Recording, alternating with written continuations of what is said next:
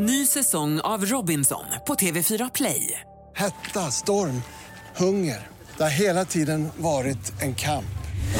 Nu är det blod och tårar. Fan händer just nu. Det. är Detta är inte okej. Robinson 2024, nu fucking kör vi! Streama söndag på TV4 Play. Du lyssnar på en podcast från Expressen. Fler poddar hittar du på expressen.se podcast och på iTunes. Han var vän till Putin. Han var vän med Litvinenko. Och han skulle vittna i rättegången. Det här är Expressen Dokument. Ett fördjupningsreportage. Varje dag med mig, Johan Bengtsson, som idag läser Thomas Kvarnkullens text om att Boris Berezovskis vänner inte tror att han begick självmord.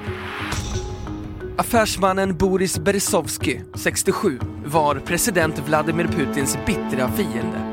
Han hade nära koppling till den giftmördade agenten Alexander Litvinenko. Nu är han också död. Men flera av ex-miljardärens vänner tror inte att han tog sitt liv.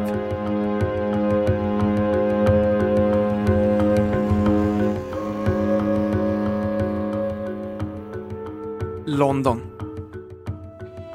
Den stora vita mångmiljonvillan ligger inbäddad i grönska vid en sjö i Ascot i Berkshire, fyra mil väster om London. På den avskilda tomten rådde vanligtvis lugn, till i lördags kväll. Då bröts tystnaden av polisbilar och stora fordon med utredningstekniker som svängde in på vägen och parkerade intill tv-bolagens sändningsbussar. Några timmar tidigare hade den ryske affärsmannen Boris Berezovsky hittats död i lyxfastigheten. Hans livvakt hade blivit misstänksam och insåg till slut att något inte stod rätt till. Han sparkade in den låsta dörren till badrummet vid 16-tiden på eftermiddagen. Berezovsky låg på golvet, död. Nyheten blev känd när svärsonen Egor Schuppe la ut ett kort meddelande på sin Facebook-sida. Boris Berezovsky är död, stod det. Beskedet kom inom några timmar att bli en världsnyhet.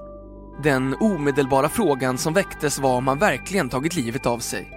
Eller om han hade blivit mördad. Boris Berezovsky var tidigare en förmögen man. Mycket förmögen. Han var god för omkring 30 miljarder kronor och tillhörde skaran av ryska oligarker som såg sin chans att bygga upp en stor förmögenhet efter kommunismens fall främst i oljebranschen. Han gjorde också affärer i flyg och tv-branschen. Han var en mäktig affärsman i Ryssland och kom att stå den tidigare presidenten Boris Jeltsin mycket nära. Han var också inledningsvis god vän med Vladimir Putin som han lärde känna redan 1991. Under den tiden blev vi goda vänner. Vi träffades regelbundet har Berezovsky sagt enligt domstolsdokument i brittiska High Court, motsvarande svenska hovrätten. Men vänskapen förvandlades till fiendeskap efter att Putin kom till makten. Berezovskys tv-kanal ORT kritiserade Putin för att inte ha gjort tillräckligt när ubåten Kursk gick till botten i augusti 2000. 118 besättningsmän omkom och presidenten beskylldes för att ligga och sola istället för att försöka rädda deras liv. Putin var ursinnig och krävde att vännen skulle göra sig av med tv-kanalen eller hamna i fängelse. Berezovsky blev föremål för en rad brottsutredningar och har alltjämt stått på Rysslands officiella lista över efterlysta personer. Misstänkt för bland annat bedrägeri och pengatvätt.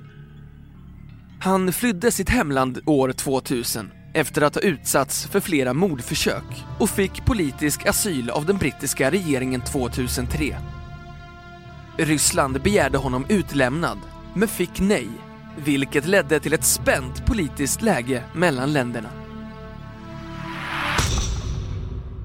Boris Berezovsky uppges ha fruktat för sitt liv. Men hans kritik mot Kreml och president Putin tystnade aldrig. PR-mannen Timothy Bell, grundare av den kända firman Bell Pottinger, var god vän med Berezovsky och har förklarat för flera brittiska medier hur hans vän hade förlorat allt. I desperation hade han tvingats sälja en lyxfastighet som han ägde utanför London, fastigheter på franska rivieran samt en tavla av Andy Warhol. Han var mycket deprimerad på grund av sin ekonomiska situation, sin rättsliga situation och sitt privatliv. Och han var illa åtgången av domarens uttalande i fallet mot Abramovic, säger han enligt The Daily Telegraph. Berezovski var tidigare affärspartner med Roman Abramovic, ägare av fotbollsklubben Chelsea. Men de blev osams och fotbollsmiljardären anklagades för att ha använt skrämselmetoder för att få köpa aktier i oljebolaget Sibneft. Rättsprocessen tros ha varit en av de dyraste någonsin och Berezovski förlorade stora summor pengar efter att ha förlorat i tvisten.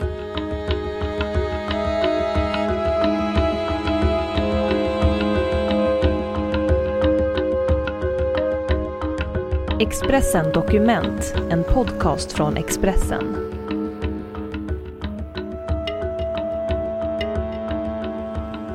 Hans tidigare flickvän, Elena Gurbonova, som också är mor till hans två barn, hade dessutom begärt av High Court att hans tillgångar skulle frysas. En ny rättsprocess var på gång att inledas i det ärendet. I en informell intervju med den ryska journalisten Elia Zegulev kvällen före han hittades död uppgav Berezovsky Mitt liv går inte ihop längre. Jag har ingen vilja att delta i politiken. Jag vet inte vad jag ska göra. Den goda vännen Timothy Bell tillägger i intervjun med The Daily Telegraph Jag tror inte att han var den typ av person som skulle begå självmord. Bell är inte ensam om den uppfattningen. En gammal vän till Berezovsky, Nikolaj Glushkov, säger i The Guardian att han har tillgång till information som inte kommit fram i media. Jag tror bestämt att Boris blev dödad. Jag har annan information än det som har publicerats i media, säger han. Glushkov, som tidigare var hög direktör inom flygbolaget Aeroflot, fortsatte. Boris var strypt. Antingen gjorde han det själv eller så fick han hjälp av någon. Men jag tror inte att det var självmord. Det finns också de som påminner om att flera ryssar i exil i Storbritannien har avlidit, i vissa fall under mystiska omständigheter. Ett av fallen är den förre KGB-agenten Alexander Litvinenko som mördades med radioaktivt polonium på ett hotell i centrala London 2006. Berezovski och Litvinenko var goda vänner men affärsmannen anklagades tidigare i Ryssland för att ha varit anstiftare till mordet. Han skulle inom kort ha vittnat i den brittiska utredning som ska slå fast omständigheterna kring agentens spektakulära död. Historikern Jurij Felstinsky, som känt Berezovsky sedan 1998, säger enligt Daily Mail Vi har inga fakta ännu, men vi måste ha i åtanke att det har varit flera dödsfall bland ryska immigranter i Storbritannien som kan ifrågasättas. För mig är det mer troligt att Berezovsky blev dödad av hämnd för att ha kritiserat Kreml eller kanske som en varning till andra att inte gå emot dem, säger han. Polisen i Thames Valley, som utreder dödsfallet, uppger att inget ännu tyder på att någon annan var inblandad i affärsmannens död. Men chefsutredaren Kevin Brown säger enligt Daily Mail att de är i inledningsskedet av utredningen och håller allt öppet. Utredningsteamet försöker kartlägga de sista dagarna i Beresovskis liv, tala med nära vänner och familj för att få en bättre bild av hans tillstånd, säger Brown. En talesperson för Kreml har efter Boris Beresovskis död uppgett att de har mottagit ett brev från honom i vilket han bad om förlåtelse och tillåtelse att återvända till Ryssland. Berezovskis vilja kan fortfarande bli verklighet. Putins pressekreterare säger att en förfrågan om att hålla begravningen i Ryssland ska övervägas.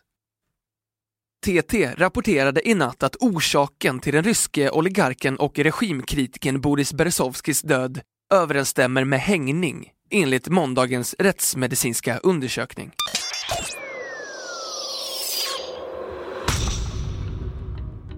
Du har hört Expressen Dokument. ett fördjupningsreportage om Boris Berezovskis död av Thomas Kvarnkullen som jag, Johan Bengtsson, har läst upp.